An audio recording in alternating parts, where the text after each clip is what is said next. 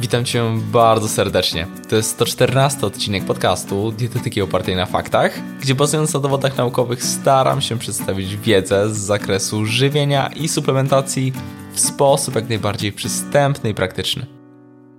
Suplementacja kreatyną jest bardzo powszechna, mówi się o niej dużo i właściwie z tego powodu znaleźć można wiele sprzecznych informacji, mitów dotyczących nawet podstawowych kwestii. Postanowiłem więc zrealizować krótki odcinek podsumowujący najważniejsze rzeczy dotyczące kreatyny.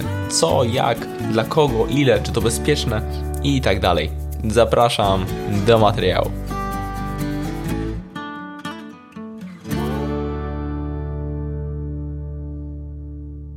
Na wstępie klasycznie. Czym jest kreatyna? Kreatyna jest aminokwasem. Aminokwasy kojarzą się z białkami, ale w tym przypadku tak nie jest. Kreatyna jest aminokwasem niebiałkowym, a więc nie buduje białek, ale pełni inne funkcje. W organizmie człowieka większość kreatyny znajduje się w mięśniach, w mięśniach szkieletowych, ale jak wspomniałem, nie buduje tam białek mięśniowych, ale pełni inną rolę. Jaką? By to wyjaśnić, trzeba najpierw wspomnieć o ATP. Może nam się to kojarzyć z lekcją biologii i słusznie, ale tutaj postaram się wyjaśnić to prościej. Generalnie ATP to taka waluta energetyczna. Tak jak mieszkając w Polsce płacimy w złotówkach, tak nasz organizm płaci w ATP. Już nie wchodząc w szczegóły, jak to się konkretnie dzieje. Niestety samego ATP w mięśniach mamy mało i starczyłoby to nam na bardzo krótko. Można to porównać do sytuacji, gdybyśmy dostali jednorazowo powiedzmy 100 zł. Spoko, zrobimy zakupy, ale nawet jak będziemy oszczędni, to w krótkim czasie nam się to skończy i zacznie brakować na jedzenie. Mamy więc wiele opcji. Na potrzeby przykładu y, totalnie wymyślam, możemy pójść do pracy i zarobić możemy e, żebrać na ulicy, możemy wziąć zasiłek dla bezrobotnych, e, możemy wygrać na loterii, możemy nawet ukraść. I dlaczego o tym wspominam? E, bo jest wiele dróg, żeby zdobyć potrzebną nam walutę złotówki. Z ATP jest podobnie. Istnieje wiele dróg, które pozwalają resyntezować ATP, dzięki czemu możemy na przykład kontynuować wysiłek fizyczny i cały czas za niego płacić w ATP a koszty czasami rosną.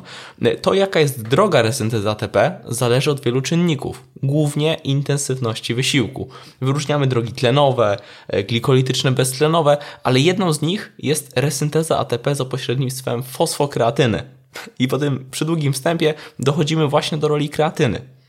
W porównaniu do ATP ilość fosfokreatyny, bo w takiej formie kreatyna głównie jest przechowywana w mięśniach, jest 3-4 razy większa Głównym jej zadaniem jest więc dostarczanie energii do odbudowy zużytych cząstek.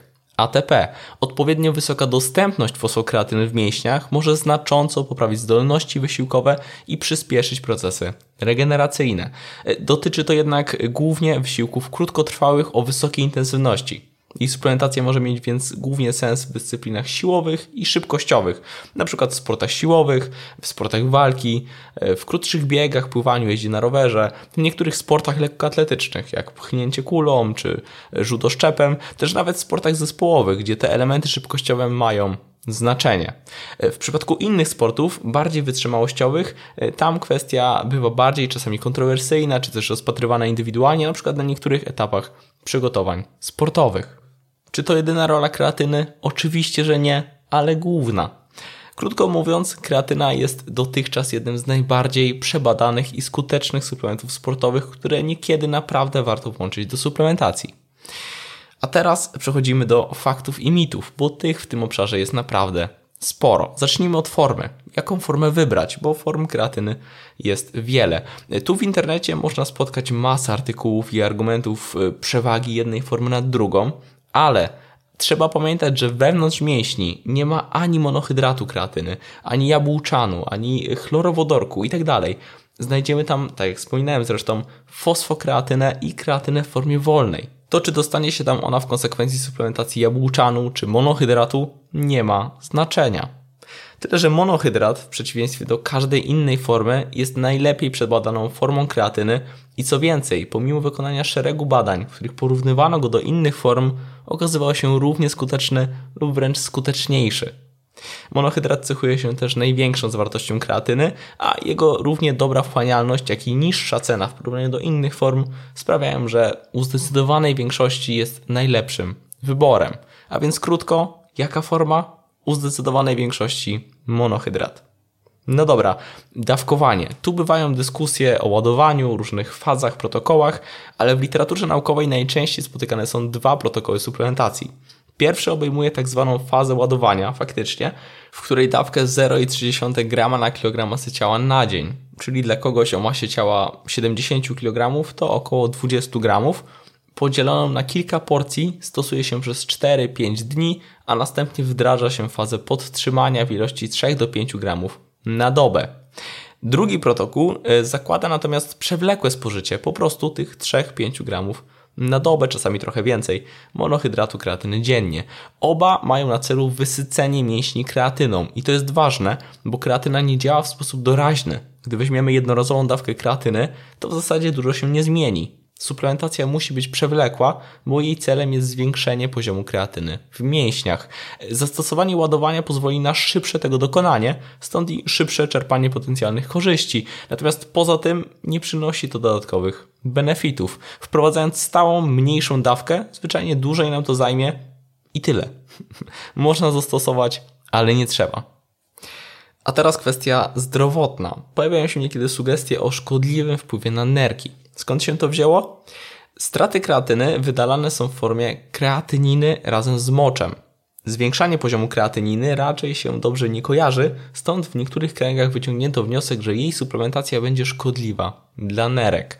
E, przeglądy naukowe dotyczące zarówno długoterminowego, jak i krótkoterminowego bezpieczeństwa suplementacji kreatyny konsekwentnie nie wykazują jednak tego niekorzystnego wpływu. Stwierdzono nawet, że dawki wyższe niż przeciętnie przyjmowane, powyżej 10 gramów na dobę, również nie upośledzają czynności nerek, ale jest mniej e, długoterminowych badań dotyczących tak wysokich dawek.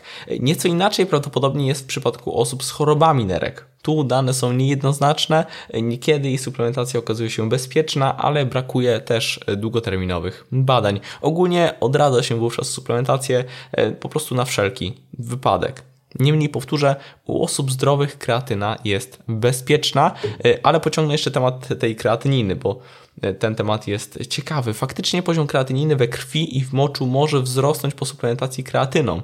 Natomiast najczęściej, przy założeniu, że nerki są po prostu zdrowe, niekiedy notowany podwyższony jej poziom nie wynika z problemu z jej wydalaniem, jak to bywa w przypadku chorób nerek, lecz wysokiej produkcji. Jeżeli w konsekwencji suplementacji kreatyną obserwuje się jej wzrost zarówno we krwi, jak i w moczu, natomiast po odstawieniu stężenie się obniża, wszystko jest w porządku, a jej podwyższone stężenie w trakcie suplementacji nie jest powodem do niepokoju. Ok, pozostając w tematyce bezpieczeństwa ogólnie, co ważne, bo niekiedy na takie informacje można trafić, kreatyna nie jest żadnym sterydem anabolicznym, ma zupełnie inną budowę chemiczną, jest dozwolonym suplementem diety, występuje naturalnie w żywności pochodzenia zwierzęcego i jest produkowana przez nasz organizm. Monohydrat kreatyny stał się popularnym suplementem już ponad 30 lat temu. I od tego czasu przeprowadzono ponad tysiąc badań, przyjęto wręcz miliardy dawek kreatyny i dostępne badania krótko i długoterminowe, nawet do 5 lat, konsekwentnie wykazały, że suplementacja kreatyną nie stwarza zagrożeń u osób zdrowych. Niekiedy jednak e, kreatyna może u niektórych prowadzić do dolegliwości jelitowych. Tak się zdarza. E, warto wówczas e, wybrać formę Creapure, taka mocno forma rozdrobniona, zmniejszyć dawkę i rozłożyć na przykład dwie w ciągu dnia, spożyć do posiłku, zwiększyć ilość wody w ciągu dnia lub ewentualnie wymienić monohydrat na jabłczan. Powinno wówczas pomóc. A co z efektem puchnięcia? Niekiedy można spotkać twierdzenie, że kreatyna powoduje takie puchnięcie ogólnie, użyję tego samego słowa. Kreatyna w 95% gromadzona jest wewnątrz mięśni, i tam wiąże się to z nasilonym gromadzeniem w nich glikogenu i wody. Niekiedy faktycznie może to doprowadzić do wzrostu niewielkiego, wzrostu masy ciała, e, chociaż e, nie zawsze taki efekt się obserwuje. Może to wynikać ze wzrostu wody wewnątrzkomórkowej, ale jak wspomniałem, nie zawsze taki efekt widać. E, nie obejmuje to niemniej jakiejś wody podskórnej czy puchnięcia, często źle kojarzonego.